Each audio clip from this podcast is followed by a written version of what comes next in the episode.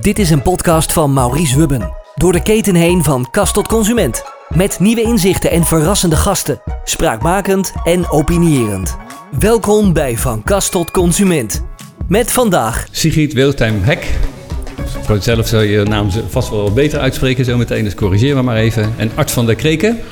We zijn hier in Amsterdam in een, eh, op een industrieterrein. En we gaan praten over eh, hoe kunnen we in de toekomst de stad voeden. En met welke technieken op een duurzame manier. En er zijn twee mensen hier aan tafel in de podcast van eh Maurice Wubben van Kast tot Consument. We zitten helemaal niet in een kast. We gaan het vandaag helemaal niet over kast hebben, maar boeien. Het is wel een interessant onderwerp, de productie van voedsel op een hele nieuwe manier. En eh, daar gaan we over praten. Art van der Kreken is hier van het bedrijf Growix. In het Westland hebben ze daar volgens mij allemaal nog niet zo erg over gehoord. En eh, ja, volgens mij doe je al best wel concrete dingen. Daar ga ik best wel dingen over vertellen. En Sigrid vertegenwoordigt de Wageningen Universiteit, maar een bepaalde afdeling. Kan je zelf veel beter uitleggen. Je bent hoogleraar, professor. Helemaal niet. Ga ik mag je ook zelf wel beter uitleggen als je je achtergrond eh, introduceert. Wij kennen elkaar uit de tijd van eh, toen ik nog bij Rijkswaan werkte. En jij daar een project deed met Sala Nova, met SLA. Volgens mij bestaat het nog steeds. En de komende drie kwartier gaan we eens eventjes een beetje wat vragen en antwoord spelen over eh, leuke dingen waar jullie mee bezig zijn. Want jullie doen echt hele leuke dingen. En jullie kennen elkaar van twee projecten. Mag ik bij de dame beginnen? Wil je jezelf even int- introduceren, Sigrid? Wie ben je? Wat doe je? Wat vind je zo leuk aan dit onderwerp? Nee, dat is prima, Maurice. Ehm, ja, nee, je hebt mijn naam prima uitgesproken. Sigrid Wertheim Hek. En ik ben associate professor eh, eigenlijk op het gebied van duurzame voedselsystemen in Wageningen. En daarmee richt ik me met name op de stad. Ik ben een consumptiesocioloog, dus ik kijk ook naar ja, met name hoe mensen eh, voedsel consumeren. En daarmee ook eh, een belangrijke rol spelen in de verduurzaming van het voedselsysteem. Ja, de meeste mensen wonen in de stad, dus de meeste consumptie vindt plaats in de stad. En is dus de grote vraag van, nou, hoe gaan we dan die steden en die stedelingen op een duurzame manier, toekomstbestendig en ook op een eerlijke wijze eh, van gezond en duurzaam voedsel voorzien? Leuke uitdaging. Ja, Dat hoeven we niet alleen te doen, hè?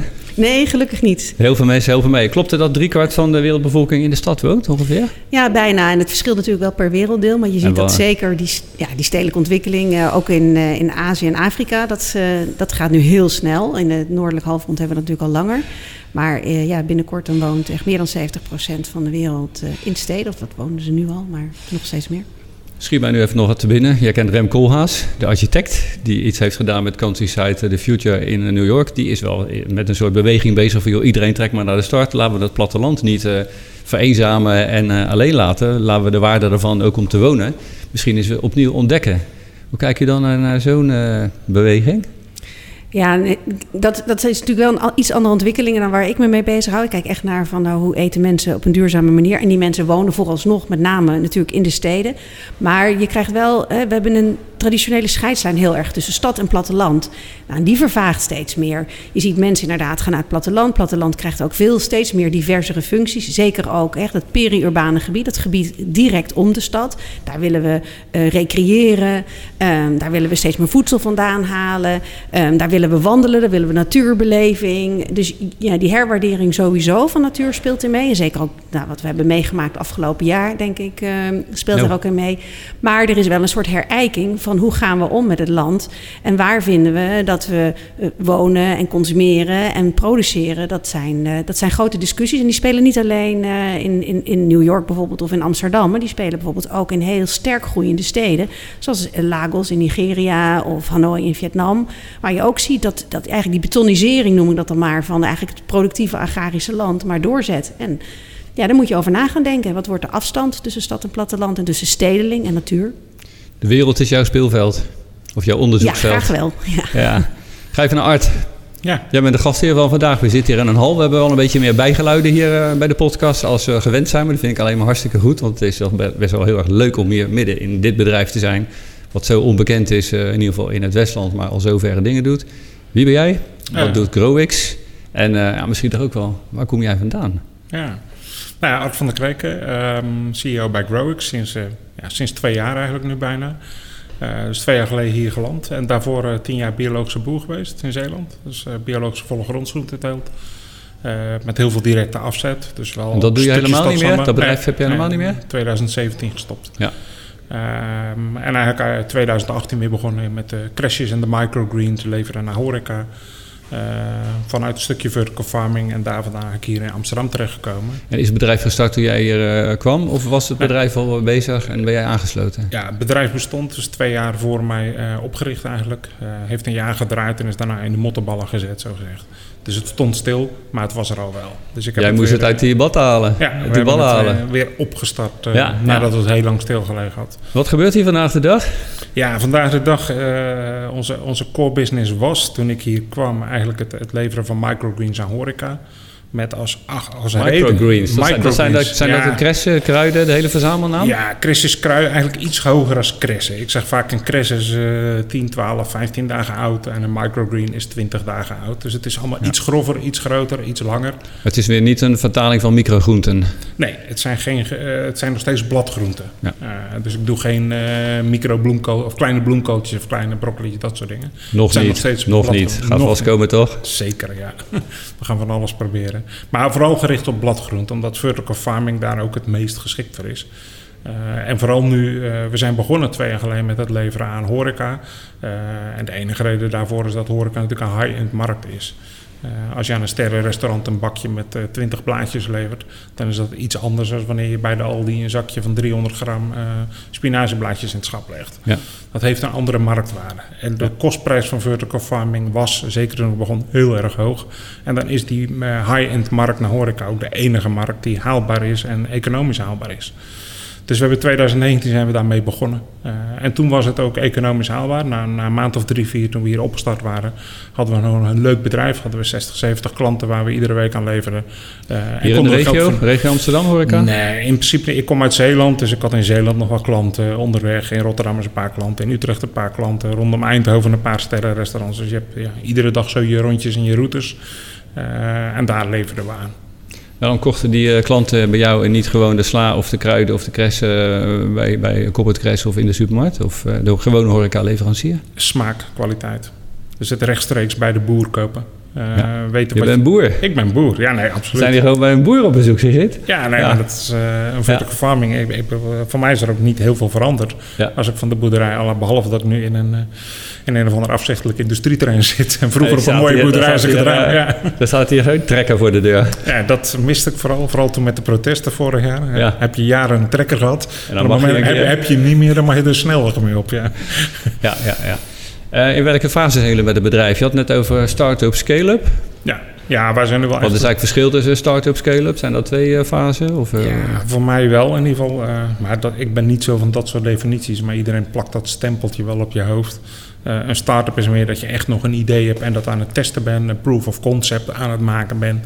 Uh, wij zijn nu wel dat we echt uh, de proof of scale gedaan hebben en dat we nu echt uit gaan rollen.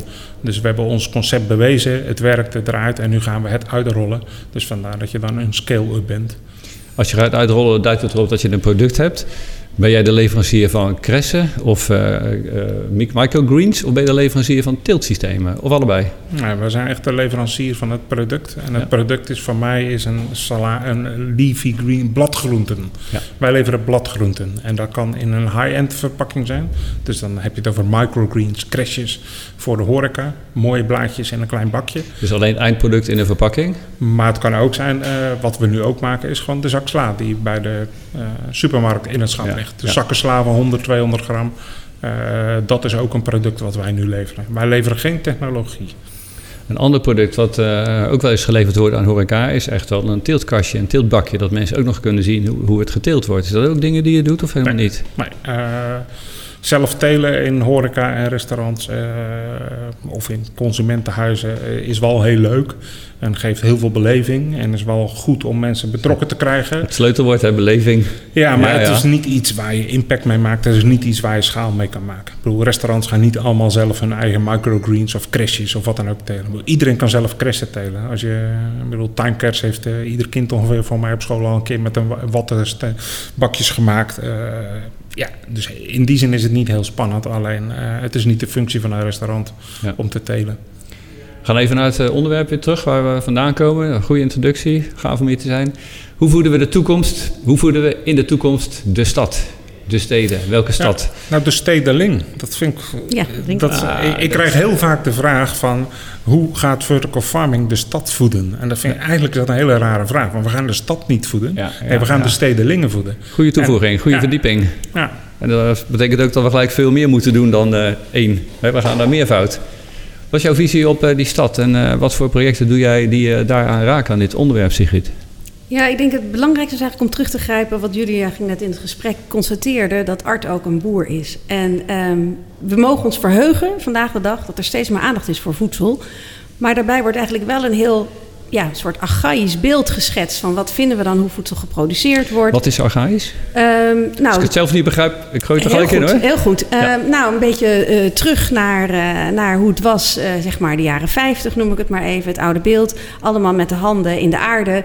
schooltuintjes. Dat is de, hè, de visie, het perspectief nu op, ook op voedselonderwijs. Dus heel erg heeft ook te maken van nou, hoe wordt voedsel geproduceerd in de grond, met een zaadje planten, regen, zon, wat waardevol is. Dat is belangrijk. Maar ehm, ja, de wereld is groter en ik denk dat dat gewoon heel erg belangrijk is. Als we moeten kijken van hoe voeden we de stedelingen van de toekomst, dan is het ook belangrijk om te kijken wat zijn de verschillende wegen waarop we dat kunnen realiseren. Dus er is geen dogma. En dan is het ook heel erg belangrijk om te gaan kijken van nou, wat zijn dan verschillende systeemtechnologieën die dat ook mogelijk kunnen gaan maken. Nou, daarvoor is wat GrowX doet, is daar een voorbeeld van. En ehm, ik denk dat dat wel heel erg belangrijk is. Dat we een beetje gaan oprekken van wat zijn de mogelijkheden om aan voedsel te voorzien. En daarnaast moeten we ook gaan kijken van nou, wat wil een stedeling consumeren? Om een heel ja, eigenlijk ehm, simpel voorbeeld te geven is dat ik heb heel lang gewerkt, ook als lector, en ik werk dan ook nog steeds aan de Eres Hogeschool. En dat ging ook over voedsel voor de stad. Nou, Almere is gecreëerd in zo'n Flevopolder. Eh, echt bedoeld voor voedselproductie voor Nederland na de Tweede Wereldoorlog. Dus nou, dan is de vraag van hoe komt het nou dat die gemiddelde Almeerse stedeling eigenlijk zo weinig uit de polder eet? Kunnen we dat niet gaan veranderen? Nou, technisch zou dat kunnen als we iedere dag bijvoorbeeld ehm stampot eten met wortelen, uien en aardappelen. Dan is de vraag natuurlijk van nou willen we dat iedere dag eten en vindt iedere inwoner dat ook lekker? Als je dan kijkt dat de stedeling in Almere, ja, dat die compositie van die bevolking bestaat uit heel veel verschillende culturen. Dan ja, is maar de vraag in hoeverre stampot dan het geëikte menu zou moeten zijn. Dus dan komen ook andere dingen op. Dan krijg je eh, projecten waarbij je gaat kijken van kunnen we ook andere gewassen telen in en om de stad. Maar dan krijg je ook discussie, maar wat willen we dan met die ruimte in en om de stad? Nou, en eigenlijk die discussie, die proberen we steeds verder op te rekken. Want uiteindelijk gaat het niet om hoe, hè, dat, de oplossing dat we nu al weten hoe we dat moeten doen. Maar ook breder te kijken wat voor mogelijkheden zijn er om op een slimme wijze in en om die stad steeds meer voedselproductie mogelijk te maken. Die ook voorziet in, ja, in de nutriëntenbehoeften van mensen. Hè, dus de, de voedingswaarde. Maar ook in de culturele beleving van voedsel. En ook ruimte laat voor, ja, voor eh, natuur, ruimte laat voor ehm, ehm, ja, andere ontspanningsmogelijkheden in en om de stad. Want het geeft ook concurrentie, voedselproductie op ruimte. Ik eh, hoor niks over educatie. Dat mensen ook kunnen zien en kunnen voelen en kunnen, met name de kinderen, kunnen zien waar het vandaan komt, eh, die functie daarvan. Of, ehm, Nee, dat is uitermate, dat is heel belangrijk. Dus het, het feit wat net ook werd aangetoetst van nou, hoe, hoe groeien nou bijvoorbeeld die microgroenten, is daarbij ook heel belangrijk dat ook dat onderdeel wordt meegenomen. Dus dat er niet alleen maar wordt gekeken van nou, een groentje, zaadje, wat we bijvoorbeeld nu zien met, met die kleine eh, potjes bij supermarkt. Dat is heel belangrijk. Ik denk ook dat dat ontzettend veel heeft gedaan. Maar er is nog meer, dat je dat hele arsenaal ook eigenlijk oprekt in de educatie. Maar dat is niet alleen schooleducatie, dat geldt eigenlijk voor een hele samenleving. Wat is er nou allemaal? Deze podcast draagt daar ook aan bij. Dus dat, dat vind ik ook belangrijk. Ja, ja. Je sprak over Almere, daar is volgend jaar de Floriade. Daar hebben we natuurlijk wel een hele gerede kans om mensen weer van alles te laten zien en te laten proeven en te inspireren. En misschien ook de vertical farms een plek te geven. Ehm, de stedeling voeden. Wat ga jij eraan bijdragen, Art, met jouw kennis en systemen en producten? Nou, we gaan een stukje eh, gezonde, verse voeding daarvoor leveren. Ja. Dus wij kunnen heel duidelijk als vertical farming... Wij, wij gaan niet de koolhydraten produceren, we gaan niet de eiwitten produceren... maar de vitamine en het verse, de smaak toevoegen aan de gerechten... dat kunnen wij wel. En als vertical farm kun je dat perfect dicht bij de stedelingen... in een zo kort mogelijke keten de stedelingen bevoorraden. En dan kijk je in distributiesystemen eh, van hoe het voedsel in de stad terechtkomt. Die distributiesystemen zijn overal in de wereld anders. Maar in Europa betekent het, als je in mijn beeld in ieder geval, op de distributiecentra van supermarkten je voedsel gaat produceren. Ja. Nou, daar ben je al, uh, ben je al grootste plannen voor, uh, heb ik al begrepen. Even terug naar de nutriënten. Um, heel veel mensen kunnen het moeilijk begrijpen dat er in producten die in vertical farms geteeld zijn, misschien wel meer en betere ingrediënten kunnen zitten als in natuurlijk geteeld in de grond met zonlicht buiten. Hoe kijk jij daarnaar? Ik heb wel begrepen dat er uh, meer goede ingrediënten in kunnen zitten. Maar hoe kan dat Ja, nou? wij- Helemaal, wij- jouw product hebben we nog nooit zon gezien. Hoe kan dat nou, Art? Ja, nee, maar wij kunnen de nutriënten zelf sturen. Dus er zit, we kunnen er veel meer nutriënten in stoppen dan buiten. Maar wij kunnen ook die zon, de invloed van de zon kunnen wij eh, sturen. En kunnen wij zelf bepalen. Als jij buiten, ik heb al een biologische boerderij gehad. Als ik bloemkolen teel, een bloemkool, een voorjaarsbloemkool of een zomerbloemkool of een najaarbloemkool. Die zijn heel erg anders van inhoudstoffen. Om de simpele reden dat ze in een ander klimaat opgroeien. Andere u- lichturen hebben gehad. Ja. Wij kunnen hier een heel jaar door dezelfde zonuren geven en dezelfde intensiteit geven. Dus we kunnen hier veel makkelijker sturen op inhoudstoffen en nutriënten. En het is inmiddels ook meer dan bewezen. Dat was de. Ja, het is meer heb dan een vraag voor. Heb je het Ja. bewezen? Heb je de cijfers? Ja, er zijn, eh, wij, de laatste maanden hebben we ook weer duizenden analyses gedaan bij de WUR. eh, naar inhoudstoffen en naar het sturen van inhoudstoffen. Wij kunnen in boerenkoolblaadjes kunnen we de inhoudstoffen echt met honderden procenten verhogen door met lichtintensiteit en lichtkleur te spelen. Dus dat is absoluut bewezen. Nou zijn mensen van eh, mijn leeftijd, ik ken jullie leeftijden niet zo goed, maar ik ben bang dat ik de oudste ben, opgevoed met zongerijpte tomaten. Hoe kun je aan consumenten uitleggen dat er in de producten die jij eh, aanlevert meer ingrediënten zitten dan producten die eh, het hele leven in de zon zijn gegroeid? Hoe kan je het nou uitleggen aan consumenten? Even een marketingvraagje. Nou ja, dat, dat, je zonlicht kun je dus ook nabootsen. Ja. Ik bedoel, in de tomatenkassen tegenwoordig, als jij in oktober een tomaat eet, die wordt ook niet eh, mooi rood vanwege het zonlicht. Geloven mensen daarin? De- Of laat je, laat je wat zien van hoe je het teelt? Nou, je moet het proeven. Ja. Proef is het bewijs. Ik bedoel, Ja. op het moment dat je koriander bij ons uit de vertical farm eet... en je vergelijkt dat met koriander die je buiten uit het veld had... of die eigenlijk over het algemeen uit het buitenland komt... ja, dat smaakverschil is gigantisch. We gaan even naar een eh, bumpertje, korte onderbreking. Dit is een podcast van Maurice Hubben. Door de keten heen van kast tot consument. Sigrid, je vertelde mij, uh, we hadden het eerst contact voor eh, deze podcast. Jij hebt me in contact gebracht ook met Art. Dat jullie elkaar kennen van eh, een aantal projecten waarin jullie samen optrekken, technisch. En eh, hoe, hoe voeden we de stedeling? Goede toevoeging. Wat zijn de twee projecten waar, jullie samenwerken en waar, leiden die, waar moeten die toe leiden, laat ik het zo zeggen?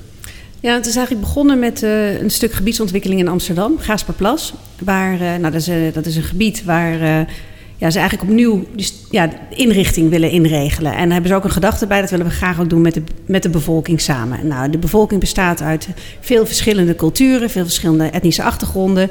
Over het algemeen wat lager opgeleid en wat meer gezondheidsproblemen. Dus het idee was, als we stedelingen gaan betrekken daarin, dan eh, doen we dat met voedsel.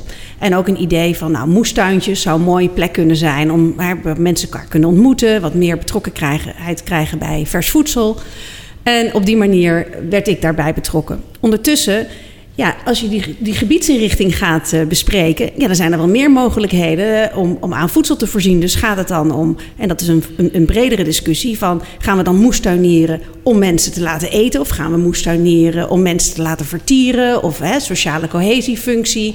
En wie doen er dan wel of niet aan mee?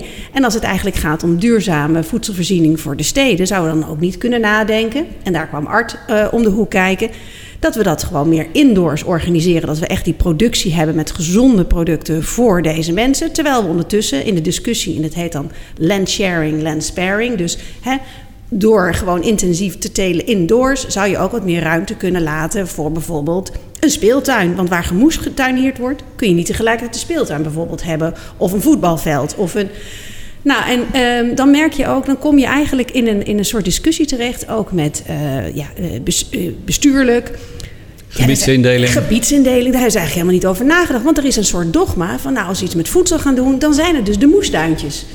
En dat verlangt dus ook een hele andere manier van denken. Wat willen we nou eigenlijk met gebiedsontwikkeling? Wat willen we nou daarin met voedsel en met voedselproductie en met inwoners? Nou, dat is nog geen gelopen race. Dat is gewoon een, een onderzoekstocht. En dan blijkt ook dat de traditionele indeling van voedsel is produceren in de stad met moestuintjes. Of ehm, zo, we willen gebiedsindeling inrichten, want dat zijn planologen die zeggen van daar gebeurt dat en daar gebeurt dat. En dan hebben die inwoners van de stad zich daar maar toe te voegen. Dat het allemaal in beweging is. Nou, en daar zijn we nu aan het verkennen. Hoe kunnen we daar op een andere manier ehm, mee omgaan? Heeft de overheid uh, en politieke partijen daar ook standpunten in die in dit geval uh, wel handig zijn of eigenlijk juist nog helemaal niet zo handig? Volg je ook, neem ik aan. Ja, nou, voedsel is eigenlijk een vrij. Het was natuurlijk van oorsprong altijd, altijd een stedelijk uh, aangelegenheid. Zo is het historisch gegroeid. Maar de laatste uh, jaren, eigenlijk ook van de vorige eeuw, is het steeds verder van politiek af gaan staan. En zeker van stedelijke overheden. Want het werd wel geregeld door, door het bedrijfsleven, commercieel. Dat was geen probleem. We, we hebben te eten en het is goed. Ja, het werd eigenlijk het onderdeel van het economisch domein. Nou, dat is enorm verschoven nadat, nadat er eigenlijk ook steeds meer discussies kwamen rondom gezondheid en rondom duurzaamheid. En dan zie je dat eigenlijk eigenlijk voedsel een soort, ja, gaat over alle domeinen heen. Het gaat over educatie heen, wat je net al aangaf. Het gaat over gezondheid heen. Het gaat over economie heen. Dus ook stedelijke overheden gaan zich daar op een andere manier naar het komt hoger, hoger op de agenda, misschien ook wel links en rechts. Ja, het, wordt belangrijker gevonden. Ja, ja, en dat zie je ook internationaal. Hè. Ook omdat de ziektekosten uit de pan reizen. Dus ja, gezonde voeding wordt toch ook wel in die zin economisch belangrijker, logischer.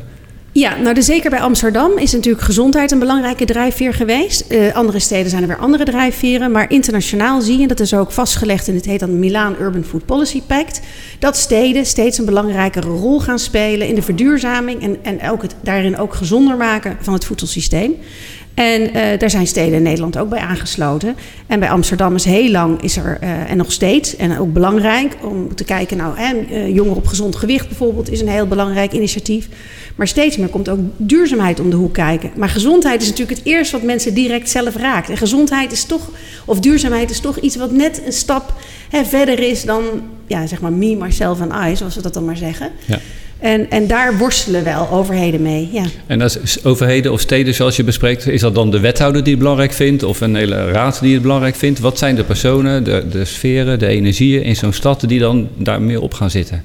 De, de, mensen met de meeste invloed en uiteindelijk ook de centen. Nou, het ligt, het ligt absoluut ook aan natuurlijk de verkiezingen hebben daar een rol op. Dus een wethouder kan daar een, een, een rol in spelen. Soms is dat een wethouder die zich bezighoudt meer met gezondheid... dan naast een wethouder zich bezighoudt met economie. Dat kan verschillen, kan ook verschuiven.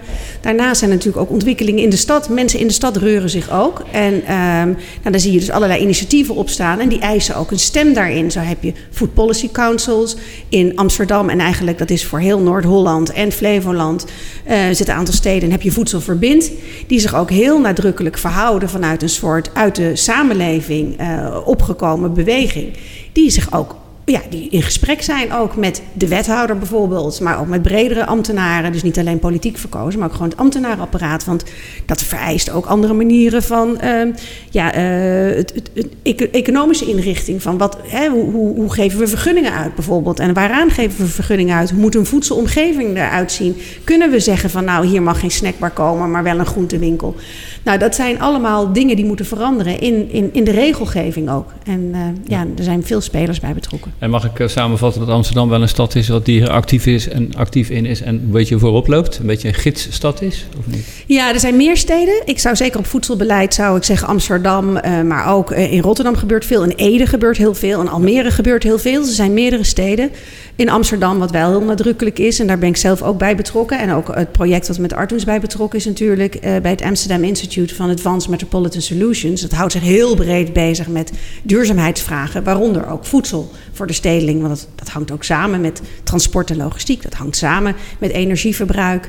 En uh, daar is, heeft Amsterdam wel hele grote stappen gezet om daar kennis en know-how op te bouwen in samenwerking met de samenleving, met inwoners van de stad, maar ook bedrijfsleven en, en initiatieven zoals uh, van Art. Art, we hebben het net over jou. Wat is jouw bijdrage aan deze projecten? Want vanuit de politiek en allerlei onderdelen in de samenleving kijkt Sigrid ernaar. Hoe kijk jij daarnaar en wat heb je gedaan en wat heb je geleerd en uh, wat kan jij daar bijdragen in deze projecten met jouw producten en je bedrijf? Ja, voor ons is het uiteindelijk veel, heel erg belangrijk. Want je bent, wat ik net al zei, wij maken voedsel voor de stedeling. Uh, uiteindelijk bij als vertical farming, ondanks dat je misschien aan de supermarkt levert of aan een restaurant levert of aan een cateraar, de consument is je uiteindelijke doel. Dus voor mij is het ook heel belangrijk dat de consument bewust wordt van wat voedsel is. Daar kom je natuurlijk ook heel vaak, dus wat is stadslandbouw? Wat is de rol van stadslandbouw en de functie van stadslandbouw? Ik geloof niet in het produceren in de stad van voedsel. We gaan niet in Amsterdam uh, een klein miljoen aantal mensen uh, voeden door in de stad moestandjes te doen. Dus dat is niet het doel van stadslandbouw. Het doel van stadslandbouw is de mensen informeren, de mensen betrekken, mensen dingen laten zien. De meest korte keten voor uh, vertical farming is dat we op het distributiecentrum van een supermarkt gaan zitten. Alleen ja, als ik bij de Albert Heijn of de Lidl of de Aldi op het DC een vertical farm bouw en daar vandaan gaan de sla rechtstreeks naar de consument, we doen dat ook 100% circulair. We hebben de kortste keten. Dan ben je op alle punten scoor je maximaal. Behalve op het punt van zichtbaarheid. Want er is geen consument die snapt wat wij doen dan. Waar komt dat zakje sla vandaan? Dus daar heeft stadslandbouw wel een functie. Dus wij zijn ook, we maken kleine zichtbare torens. Dat je in de stad mensen kunt laten zien wat wij doen. Wat vertical farming is. Dat ze een vertical farm in kunnen stappen. En het kunnen proeven en beleven en voelen. Maar de echte productie, ja, die ga je aan randen van de stad doen. Uh, en daar gaat heel veel veranderen de komende tien jaar. En dat, dat, is een, dat geeft een enorme omslag, denk ik. De komende tien jaar gaat er in de wereld op het gebied van voedsel gigantisch veel veranderen. Het wordt losgekoppeld van grond. In ieder geval veel meer losgekoppeld dan wat het vandaag de dag is. We gaan het veel meer in vertical farms, in kassen. Maar kijk alleen al naar de ontwikkeling op het gebied van kweekvlees en eiwitfermentatie. Ja, die zijn nog veel groter van impact. Dus we gaan op een heel andere manier met voedsel om. En je merkt dat dat in steden overal een hot item wordt. Mensen worden. Uh, het is steeds makkelijker om informatie te krijgen, overal over de wereld. Mensen willen meer weten. Waar, waar komt mijn voedsel vandaan? Wat gebeurt er? Dingen die niet kunnen, die kunnen veel sneller niet meer. Je kunt niks meer verstoppen. Alles is heel transparant en open. En daar spelen wij heel erg op in. Dus je moet vertical farming ook laten zien. Ja, en ik denk ook, ik wil je wel even aansluiten, want we kijken heel erg naar Nederland. Maar in Nederland zijn we nog een beetje, ja, hebben zo'n technologisch wantrouwen nog. Maar in heel veel andere landen speelt het heel anders. Die hebben veel duidelijker te maken bijvoorbeeld met klimaatverandering en stormen. En die denken van nou, op het moment dat het uh, meer indoor kan gebeuren, hebben we in ieder geval voedselzekerheid. Daar is af en toe hè, bij tijd en wijlen in grote steden schaars. Ik heb het zelf meegemaakt bij overstromingen toen ik in Vietnam woonde. En daar is een hele andere houding. Dus je houdt het ook niet tegen. Het gebeurt sowieso. En dus het is niet zoiets van, nou, wat gaan wij in Nederland nu doen? En we kijken alleen maar naar, naar de postzegel Amsterdam of de postzegel Nederland. Maar het gaat ook om van, nou, wat is de tendens op, hè, op, in, in die hele wereld uh, qua ontwikkelingen? En daar, daar nemen de technologieën en, en de mogelijkheden enorme sprongen. En die, ja, die moeten we wel serieus nemen. Wat kan de rol van uh, Nederlandse technologie en kennis uh, daarbij zijn? Want inderdaad, we zitten nog een beetje om ons heen te kijken. En de vlek wordt misschien wat groter, maar ik denk dat uh, in, de, in, de, in de wereld en bijvoorbeeld ook in China ze echt niet gek zijn en al heel veel kennis hebben. Dus kunnen wij toch nog steeds wel ook in de toekomst een groot deel van die taart zelf behappen?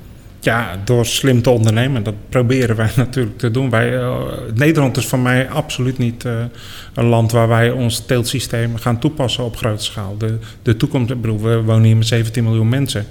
Uh, als je in Istanbul krijgt, dat is één stad waar al 19 miljoen mensen wonen. In Shanghai 24 miljoen. In Californië zijn we bezig.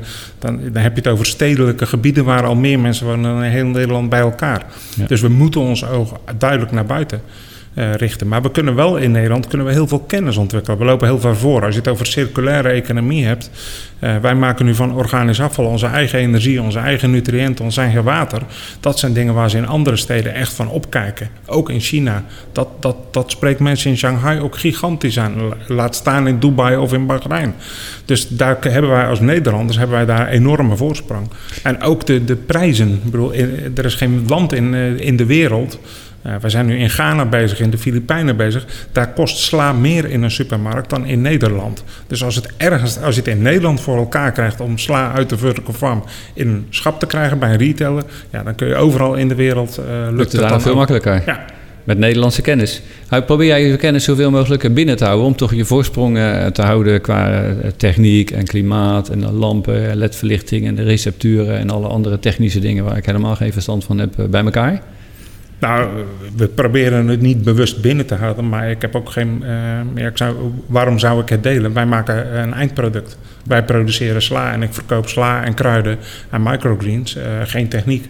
Dus wij, ja, bedoel, we ontwikkelen de techniek. Uh, we hebben een helemaal gerobotiseerde farm. Uh, natuurlijk zijn we heel veel met lichtrecepten en met plantrecepten en software en AI. Ik bedoel, dat doen we allemaal. Maar dat allemaal doen we zelf, zelf ontwikkeld? Ja, en dat doen we allemaal voor ons eigen uh, product te produceren. En niet om een techniek te ontwikkelen. Jullie zijn een start-up, maar de, ik heb nog geen rondleiding gehad. Dat gaat vast nog volgen vandaag, maar ik denk dat hier heel veel is. Heel veel is geïnvesteerd. Heb jij een, beetje een goede bank gevonden ergens? Of een hele oude shock waar heel veel geld in zat? hoe zijn jullie gefinancierd? Hoe, hoe doe je dit? Want je bent al twee jaar bezig. Of is de inkomstenstroom al gewoon helemaal op gang gekomen? Nee, we, hebben, we hadden een hele mooie inkomstenstroom toen we begonnen, vanuit de horeca. Maar daar ging ergens in maart 2020 iets fout. Met een virusje? Ja, dus uh, die inkomstenstroom werd weggestrapt. Uh, nee, we hebben nu een aantal investeerders aan boord die dit financieren. En een van de investeerders ook de gemeente Amsterdam het Klimaatfonds. Uh, ja. We hadden het er net over. De gemeente maakt dit mede mogelijk. Ik vind dus dat echt, wij zitten, heel goed beleid. Uh, ja, nou, wij zitten heel dicht bij de gemeente. We hebben natuurlijk heel veel de discussies waar we net over hadden. Van wat moet de stad nou doen? Wat is de, wat is de toegevoegde waarde van een stad? Moeten we voedsel in de stad produceren? Of moeten we voedsel voor de stedelingen van de stad produceren? Ja. En waar gaan we dat doen? Gaan we dat aan de rand van de stad doen? Gaan we dat in het centrum van de stad doen? Op welke schaal gaan we dat doen? Uh, daar hebben we natuurlijk heel veel intensieve contacten mee in Amsterdam. En daar leer ik natuurlijk ook heel veel van. Wat je in de rest van de wereld gelijk mee toe kan passen. Ja. Uh, we zijn met AMS bezig met het, het, halen van nutriënten uit afvalstromen in de stad. Ja, dat is natuurlijk super interessant. Niet voor hier in Nederland, van nutriënten, ach, beetje, dat beetje nutriënten wat wij gebruiken. Maar als je dat concept kunt kopiëren over de wereld, dat, daar denkt nog niemand aan. Iedereen is nu alleen nog bezig om zo goedkoop mogelijk en efficiënte vertical farm te bouwen. Maar die stap verder om het circulair te maken uh, en om verder door te denken in die duurzaamheid, dat is nog niet echt heel wijdverbreid. Daar kunnen we in voorlopen. Daar heb ik nog wel een leuke, ja? een, een, een leuke anekdote, denk ik heel leuk onderzoek van een student. Um, die ging inderdaad kijken naar sanitatiestromen, maar de menselijke reststromen, dus uit, uh, uit de wc-pot. En die ging kijken van nou, waar worden ze nou voor gebruikt? Hè? Is dat nu, we spoelen het gewoon door, dat heet dan flush and forget, um, zoals mijn collega dat ook vaak noemt. Um, een, een, stroom die gericht is om de droge reststromen, zoals ze dat dan maar netjes noemen. Uh, dat zie je in Buiksloterham met de drijvende huizen, om energie om te zetten. En een stroom, en dat was dan meer gericht op Oosterwold in Almere, om van je eigen ja, uh, reststromen weer uh, fertilizer te maken. Dus meststoffen voor je eigen voedselproductie.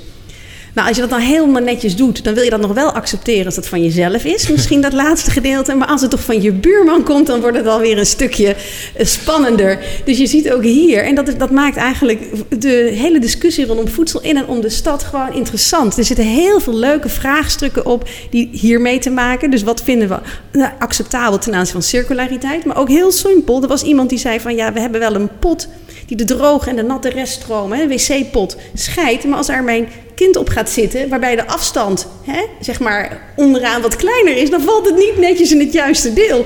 Dus we moeten daar ook bijvoorbeeld mee gaan samenwerken met mensen die de wc-pot ontwikkelen. En als je een hele mooie badkamer hebt, dan heb je maar keuze uit één pot. Dus je ziet dat, een hele, eh, dat eigenlijk een heel simpel gedachtegoed, waarvan we denken dat het heel simpel is, gewoon circulair, maar dat heeft zoveel verschillende aspecten waar we allemaal als, als mensen iedere dag mee te maken hebben. En dat maakt het wel heel erg leuk. Ja, zeker. Dat is het oprekken waar je het bij de introductie ook permanent over had. Uh, vind ik echt uh, super interessant. We gaan zo meteen nog even weer naar een ander onderwerp, maar doen we nog even een bumper?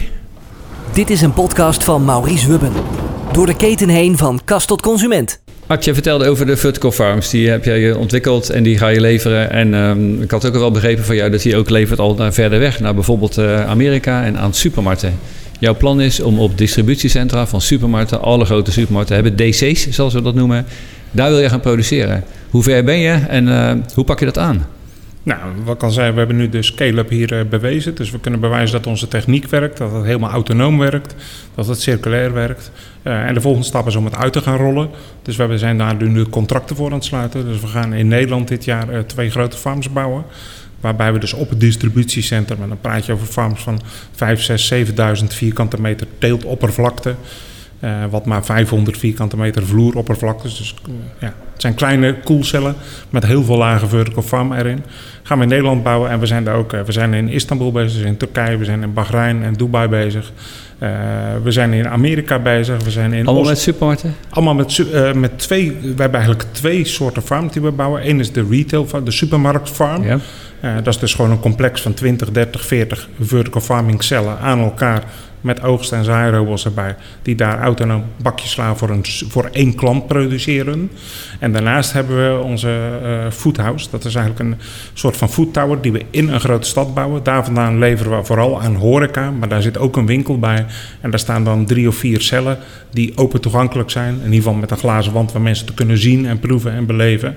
En dat gaan we in grote steden doen. Dus die gaan we er in Nederland zeven bouwen. Maar daarna gaan we die over de wereld uitrollen. En daar zijn we ook al met, uh, van mij zijn 15 locaties. Uh, zeven, zeven in Nederland. Kan je al even iets vertellen of het ook ergens in de buurt van het Westland komt, Art? Ja, nou, Rotterdam is toch wel een van de grootste steden. Die ja. tellen wij. Ja, ja, ja. Nee, Amsterdam en Rotterdam zijn natuurlijk de eerste urban food towers waar we gaan uh, laten zien uh, hoe het concept werkt. Maar in het Westland komen ook een aantal uh, farms bij retailers natuurlijk. Hmm.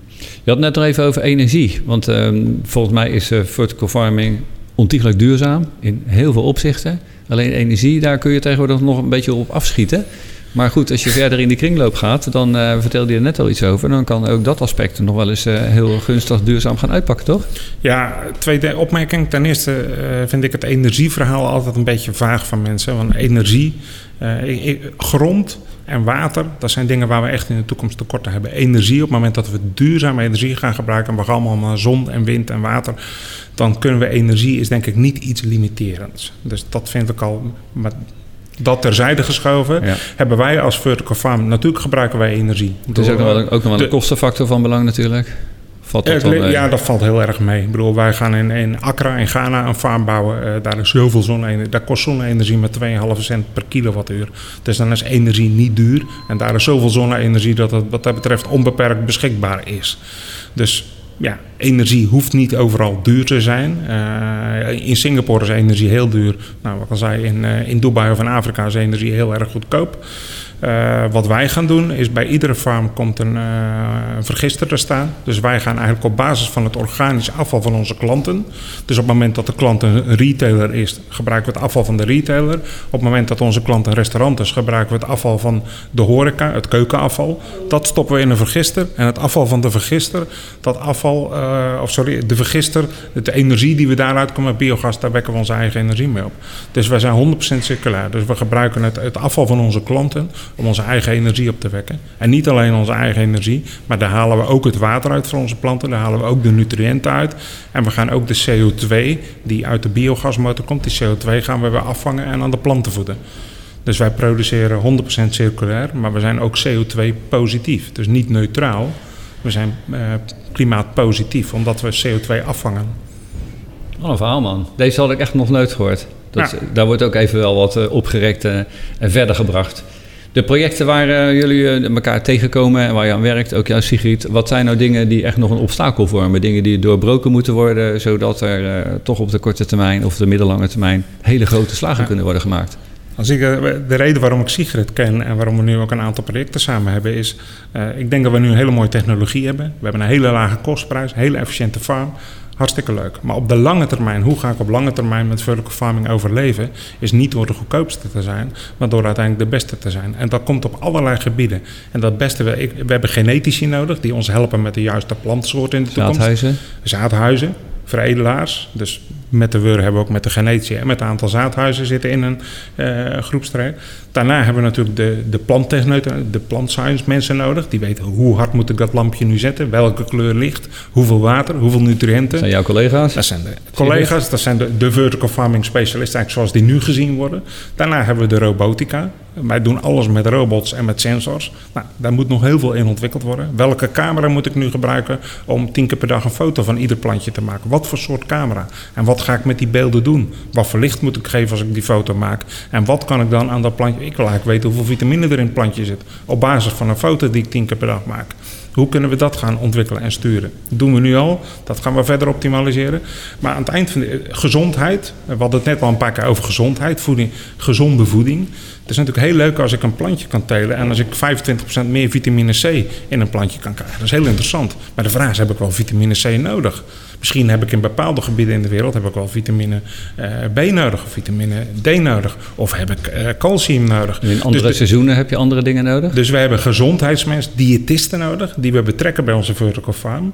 En als we dat allemaal van elkaar hebben, dan is uiteindelijk het allerbelangrijkste, en daar komt Sigrid om is die sociale acceptatie. Want uiteindelijk, het is hartstikke leuk dat ik een robot gebruik. Heel mooi dat die genetische professor precies het juiste, allemaal hartstikke boeiend. Maar als dat zakje sla in het schap ligt, dan boeit dat niemand meer. Dan gaat het om de sociale acceptatie. Dus wat heb ik nodig om die consument zo betrokken te voelen dat hij het idee heeft van hé, hey, wacht even, als ik de winkel inloop, moet ik dus dat zakje pakken, want dat zakje is verantwoord, gezond, is circulair en dat wil ik. In plaats van dat die consument gaat zeggen, maar dat noem ik, uh, dat is Frankenstein voedsel. Dat wordt in, in, in een halletje, dat is nep, dat is fake, daar kan niks in zitten. Vijftien jaar geleden werd die term veel gebruikt. Ik Ja. hoor hem nooit meer. We hebben Nee. slager gemaakt. Ja, maar Wat, wat zijn andere doorbraken, Sigrid, die eh, handig zijn om versnelling te krijgen?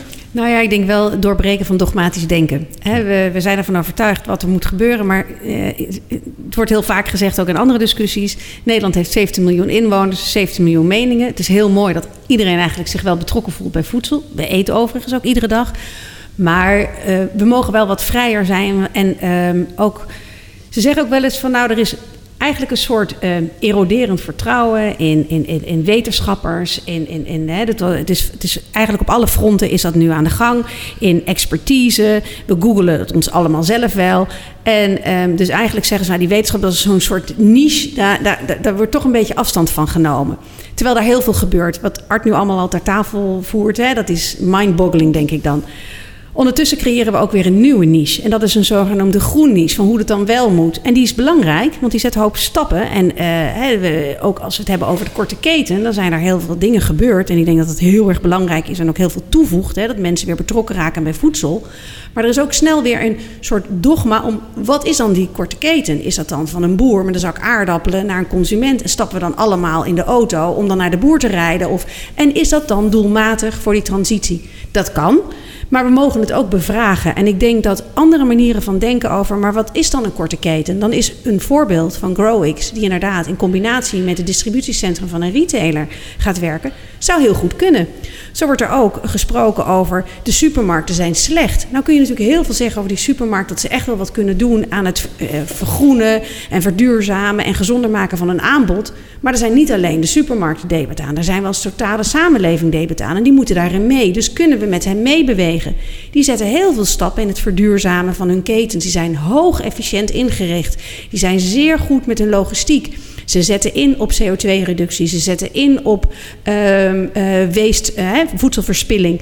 Dus daar kun je ook op meeliften. En dan zou je heel goed kunnen kijken van hoe kan een, een ontwikkeling zoals eh, onder andere nu door Art wordt ingezet, echt boeren op een ja, gerobotiseerde manier, op een meer misschien steriele manier, maar daarmee ook een hele voedselveilige manier en ook misschien een hele gezonde manier ook een bijdrage aan kunnen leveren. En kunnen we dan ook meeliften op, op systemen die er al bestaan, die al hoog efficiënt zijn, om daarin samen naar nieuwe, ja, eigenlijk nieuwe toekomstvisies te komen.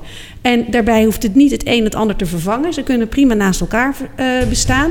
Maar ik denk wel dat we vroegtijdig daarin de samenleving in mee moeten nemen. En ook deze discussies moeten voeren. En wat vinden we daar nou van? En, uh, want wat ik al eerder aangaf. Het heeft zoveel verschillende aspecten. Hè. Enerzijds, ik, ik had het even voor de grap over die wc-potten en, en in het kader van circulair. Of aan de andere kant, hè, van nou, hoe zit het nou een wethouder van economische zaken erin... die ook tegelijkertijd een, een, een, een, een, een horeca-ondernemer en, en, een, en een groenteboer moet bedienen... in zijn economische portefeuille of een wethouder van gezondheidszorg. Het gaat dwars door alle domeinen heen. Het gaat over schaars ruimtegebruik in de stad. We willen ruimte voor kinderen om te spelen. We willen ruimte voor voedsel. We willen bomen in de stad. Hoe verhouden zich bomen weer met een moestuintje met sla... dat in de winter weer uh, ja, als zwarte aarde daar ligt te liggen... waar mensen op uitkijken. Er zitten zoveel verschillende dynamieken... die in en om die duurzaamheidsvraagstukken spelen... dat we die echt um, heel open-minded in moeten gaan. En daar ook heel nadrukkelijk, juist met al die verschillende belangen, verschillende ideeën, verschillende expertisegebieden bij elkaar moeten ja, vegen en daarmee moeten experimenteren. En dat is ook wat we in Amsterdam heel nadrukkelijk nastreven. En dat vind ik ook zo mooi en dat vind ik ook heel mooi aan Ams. Dat dat ook echt, hè, het wordt gegund om daar ook mee te spelen. Om het niet meteen ook te weten, maar het ook uit te proberen en te verbeteren. Je mag en, fouten maken. En, en de dialoog aan te blijven gaan. Ja, dat ja. is belangrijk. We hebben het veel over Amsterdam. We gaan even naar Brussel. Een landgenoot van ons heeft daar een fantastisch beleid met al zijn collega's uitgezet voor, om in 2030 een heel groot gedeelte van Europa biologisch te laten telen. We hadden het niet in de vragen opgenomen, maar hij schoot me wel te binnen. Hebben jullie daar een mening over? Ja, ik kom niet helemaal onverwachts. Ja. Nou ja, als, als oud-biologisch boer snap ik natuurlijk heel goed uh, die discussie. En wat is biologisch en wat niet. Vertical farming is niet biologisch. Ja. Uh, dus in principe vallen wij gewoon niet onder de Green Deal. Wat wij doen is niet duurzaam. Volgens Brussel. Maar volgens, dat, ja, dat is... Uh, en volgens de regels die afgebroken zijn, afgesproken zijn om biologisch te beschermen. Ja, maar ik denk wel dat dat... Uh, er is al heel veel discussie over geweest de afgelopen jaar. Er wordt natuurlijk enorm gelobbyd door de uh, vertical farming industrie. En ja, dat kan niet waar zijn. En dat gaat ook niet waar zijn. dit is natuurlijk ook duurzame voedselproductie. dus dit valt ook onder... ja, de Green Deal en onder het duurzaam en verantwoord voedsel. Ja. Dat gaat goed komen. Ja, dat ook zo'n vertrouwen in, Sigrid? Nou, kijk, biologisch heeft natuurlijk een rol in de verduurzaming van het voedselsysteem. Maar het gaat uiteindelijk om die duurzaamheid. En het gaat over het behoud hè, e e ja, ecologische diversiteit. En daar gaat de echte discussie over. En op het moment, biologisch begrijpen veel mensen hebben daar ideeën bij. Dus ik, er zit ook nog eens tussen een narratief rondom een politiek uh, programma. En waar we natuurlijk echt naar streven. En er moeten gewoon grote stappen gemaakt worden. Als ik kijk naar biologische uh, vereisen die we hebben in Nederland, dan is dat bijvoorbeeld in een tropisch land al bijna onhaalbaar. Dus je moet daar realistisch in blijven. Maar in mijn optiek moeten we echt kijken naar van wat is duurzaam en op welke schaal willen we dat organiseren en welke productie willen we op welke schaal realiseren. Ik zeg heel, heel, heel simpel, heb ik ook wel eens gezegd. Ik heb heel lang gewerkt aan een project aardappelteelt in Vietnam. Om daar die boeren in het winterseizoen een andere teelt te geven boven rijst. En ook wat meer aan de diëten daarbij uh, bij te brengen. Daar valt heel veel over te zeggen over die aardappelteelt. Er worden ook allerlei gewasbestrijdingsmiddelen bij gebruikt. Maar daar gaat het even niet om. Het gaat erom dat die aardappel die in Vietnam te kunnen telen, dat pootgoed uit Nederland. Op het moment dat wij in Nederland zeggen wij stoppen met het telen van dat pootgoed. Ja, hè, dezelfde overheid die eigenlijk die programma's in Vietnam stimuleert daarvoor hebben we wel weer dat pootgoed nodig. Dus wat wij in Nederland doen, heeft heel veel effecten op elders in de wereld. Dus ja, die Green Deal al dan niet. Ik vind iedere discussie die het denken hierover aanwakkert... en ook die de urgentie met name aanwakkert... ik denk dat die urgentie zelfs nog groter is dan in de Green Deal nu vast ligt... dat dat belangrijk is. En voor de rest, eh, inhoudelijke discussies laat ik graag over aan expertise... van andere experts en andere expertise. Maar... Um, ja, biologisch is, is een frame, maar niet voor mij alleen het dogmatische frame, ook hier voor duurzaamheid. Nee, nee, nee. Ik wil even naar de producten. Want we hebben het nu gehad over microgreens, hè, vooral kruiden, kressen, eh, dat soort producten die allemaal smaakvoller zijn. Maar het blijft natuurlijk toch een beetje manco als maar een heel klein gedeelte van het totale voedselpakket wat mensen eten uit die vertical farms komt. Dus wanneer ga je opschalen naar de frambozen en naar de appels en naar de tomaten en naar de uien en naar de wortel en noem het maar op. Nee, ik weet niet of... Ik neem toch aan dat je dat niet allemaal eh, negeert. Um, Nee, maar ik, ben, oh, ik, ik geloof ook niet dat wij als vertical farming alleen de wereld moeten gaan voeden of we moeten willen voeden. Uh, ieder heeft zijn specialisatie. Ik bedoel, uh, tomaten, komkommers groeien perfect in kassen. We gaan echt niet in Nederland in een vertical farm tomaten telen. Echt niet? nee, echt niet. Nee. Ook niet eh, hele lekkere, hele dure tomaten die gewoon uh, een tientje per tomaat mogen kosten? Nou, omdat ze gewoon zo lekker zijn dat mensen dat willen hebben? Uh, als dat zo is, en dat kunnen we, dan mhm. gaan we dat in ieder geval niet in Nederland doen. Want er is in Nederland niemand die dat betaalt. Ja. In andere landen misschien wel. Uh, dus ik geloof dat de, de, de functie van een vertical farm is dat wij de bladgroenten, dat wij smaak toevoegen met de kruiden vooral. Dus we gaan smaak toevoegen, we gaan gezondheid produceren. Dus de vitamine en de nutriënten. We gaan dat circulair doen. Maar ik geloof dat de functie van koolhydraten en eiwitten... die moeten wij als vertical farm niet nastreven. Uh, precisiefermentatie van eiwitten gaat veel harder en veel verder... en is veel efficiënter op lange termijn. Dus dat, dat heeft helemaal geen zin om nu sojabonen in een vertical farm te gaan telen. Dat heeft helemaal geen zin, want dat hebben we straks gewoon niet meer nodig. Dus gaan we ook niet doen. Uh, vlees Koolhydra koolhydraten is een andere graan, zaden, uh, tarwe, aardappels. Ja, dat zijn de koolhydratenbronnen. Moeten we ook niet direct in de vertical farm gaan denken. Dus we hebben een hele duidelijke rol. En ik denk ook een behoorlijk breed spectrum. Laten we ons daarop focussen om impact te maken. En natuurlijk, de bestje is de aardbeien heel erg leuk. En in aardbeien zit ook heel veel vitamine. Kan ook heel erg interessant zijn. Maar ik vind het interessant om nu, als ik nu kijk wat wij in Afrika, in Ghana, als we daar een vertical farm zetten, wat dan de impact is die je kunt maken op een voedselsysteem. En wat je dan toevoegt is de smaak en de gezondheid en het verse element naast de eiwitten en de koolhydraten die lokaal toch wel beschikbaar zijn. Dan maak je impact en dan doe je iets. Dus laten we ons daarop focussen. En natuurlijk blijven we onderzoeken en blijven we kijken. Ik vind het ook leuk om een keer te kijken hoeveel kilo tarwe ik nu van een hectare kan krijgen als ik het in een vertical farm kan doen. Tuurlijk en of de, de uien uit Zeeland het ook nog een beetje doen uh, in jouw vertical farms. Maar waarom ik het ook vraag is, uh, ik heb bij Koppert gewerkt van de gewasbescherming. En in heel veel gewassen en uh, producten die in de supermarkt liggen, wordt biologische gewasbescherming toegevoegd. Maar in heel veel wordt het ook niet toegevoegd. Dus er is geen supermarkt die gaat vertellen over haar assortiment dat het wordt gedeeld met biologische gewasbescherming. Omdat het maar voor een gedeelte van het assortiment geldt, vooral voor de producten uit de kas vonden wij bij Koppert, en met name die telers natuurlijk heel hevigst irritant, dat het best bewaarde geheim van de tuinbouw niet in de supermarkt te zien is. Maar datzelfde straks, heb je straks een beetje met de producten die heel erg duurzaam in jouw vertical farms zijn geteeld, maar wel maar een gedeelte zijn van het AGF-assortiment. Gaat die supermarkt daar dan wel wat over vertellen? Want dan gaan mensen ook vragen, ja maar die uien, hoe zijn die dan geteeld? Snap je? Ja, maar dat, dat is het vak waar je als vertical farming naartoe met je eigen merk mee bezig bent. Uh, en dat geldt ook voor een tomaat. En dan je moet je eigen merk proberen te creëren. En dat heeft niks met vertical farming te maken, maar met wel ons als bedrijf. Ik denk dat wij willen onze eigen sla die wij als Growix maken, willen wij onder een eigen brand in de supermarkt hebben. Want dan kan ik dat verhaal wel vertellen. Maar op het moment dat ik een zakje sla in de winkel ga leggen en er staat in een hoekje een stempeltje vertical farming geproduceerd en mensen moeten dan gaan kijken hoe het werkt. En doet, iedere vertical farming doet het op zijn eigen manier. Dat gaat niet werken. Dus dan moet je met je eigen brand moet je daar aan zien te werken. Ik hoop dat een supermarkt uit Azië straks zegt van... ik wil die GrowX sla in mijn winkel hebben en niet zomaar een vertical farm sla. Heb je het merk al ontwikkeld? Ja. Hoe heet het? Growy. Growy. En hoe schrijf je dat? Uh, we zijn van X naar Y. Ja, ja. Next Level Farmers. Sigrid, we gaan een beetje naar de afronding van deze podcast. Heb jij nog, uh, en Art ook straks, uh, heb jij nog iets waarvan je denkt... dat wil ik toch nog wel even aan de, aan de luisteraars van de podcast van Maurice Zubbe... van Kast tot Consument meegeven?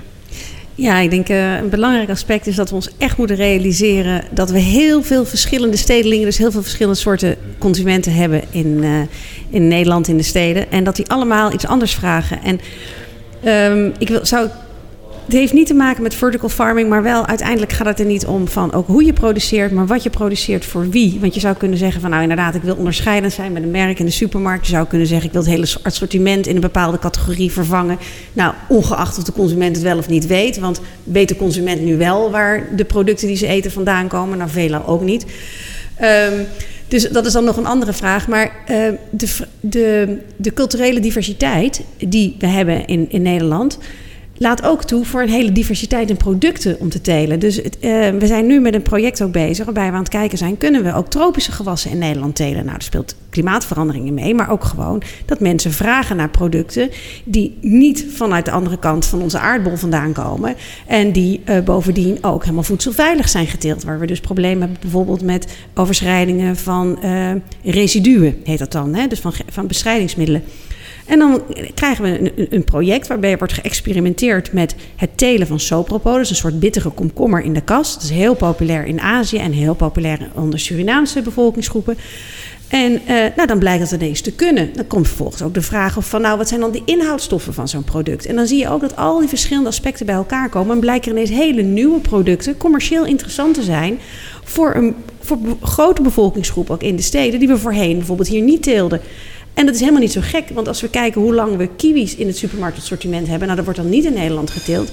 Maar als we denken aan een paprika of aan een broccoli, die nu gewoon van Nederlandse bodem komen, waren dat van origine ook niet. Dus er zit ook een heel veel verschuiving in, in wat we kunnen, uh, wat we vragen, wat we verwachten op het bord. En er zal ook dingen zijn waarvan we afscheid zouden moeten nemen, omdat ze gewoon niet meer zo duurzaam zijn. Nou, en dat dat spel en dat onderzoeken van, en wat levert het ook op vanuit de samenleving die al heel veel diversiteit laat zien in consumeren, kunnen we dat meenemen in het innoveren van ons voedselsysteem. En ik denk dat dat heel veel kansen biedt. Dank u wel. Art, voor eh, de luisteraars van de podcast, heb je nog een uh, laatste voetnoot? Nou ja, wat ik heel graag mee laat geven en uh, wat ook een van onze uh, merkkrachten wordt en waar wij als vertical farming heel erg achter zijn. Iedereen denkt dat het te duur is. Uh, en een van onze doelen is het, het lekker, gezond en betaalbaar uh, wij willen graag impact maken op het systeem. Ik wil niet als een high-end speeltje of een high-end product in het schap komen. We willen niet alleen maar bij de luxere ketens terechtkomen. Maar we willen juist uh, dat vertical farming een betaalbaar product. En dat is wat we nu gerealiseerd hebben. Wij kunnen nu sla tellen die ook gewoon bij de Aldi terecht kan komen. Of bij de Lidl in het schap kan komen. Dus niet alleen een high-end gemengde biologische salade van 2,5 euro voor 100 gram. Bij de markt met een Q. Ja, precies. Maar we willen dus niet alleen een zakje sla maken met naast biologisch voor 2,5 of 3 euro voor 100 gram. Maar je wil ook gewoon voor een euro per 100 gram in de winkel kunnen liggen. En dat hebben we nu gerealiseerd. En dat is voor in Nederland een hele grote stap. Dat vind ik erg, erg goed. Ja, erg en dat is, dat is, voor in Nederland heel belangrijk. Maar dat is ook, bedoel, wij zijn nu, ik heb al een paar keer genoemd in Afrika bij in Ghana. Ja, daar word ik zelf echt heel blij van. Daar maak je namelijk echt impact. Kijk, als ik in Singapore iemand lekkere sla geef, ja, die kan het nu ook wel kopen. En als ik in Londen of in New York. Uh, uh, mooie takjes kan leveren aan een restaurant. Ja, weet je, dat is wel heel leuk en dat is wel heel high-end. Maar als je echt impact wil maken, en ik denk dat Vertical Farm dat dus kan vandaag de dag, dan moeten we zorgen dat het betaalbaar wordt en dat het gezond en lekker is. En beschikbaar komt voor andere sociale klassen dan de mensen die het toch al heel Juist. goed kunnen leven. Juist, heel belangrijk. Ik word er heel erg blij van. Mag ik jullie heel hartelijk danken voor het meewerken aan de podcast, voor de gastvrijheid en uh, voor al je content. We gaan hem eens even heel netjes in elkaar zetten en op de socials delen. Dank jullie wel. En uh, we spreken elkaar ongetwijfeld nog verder. En de rondleiding gaan we starten. Art, ja, dank, dank je wel. Door de keten heen van kast tot consument.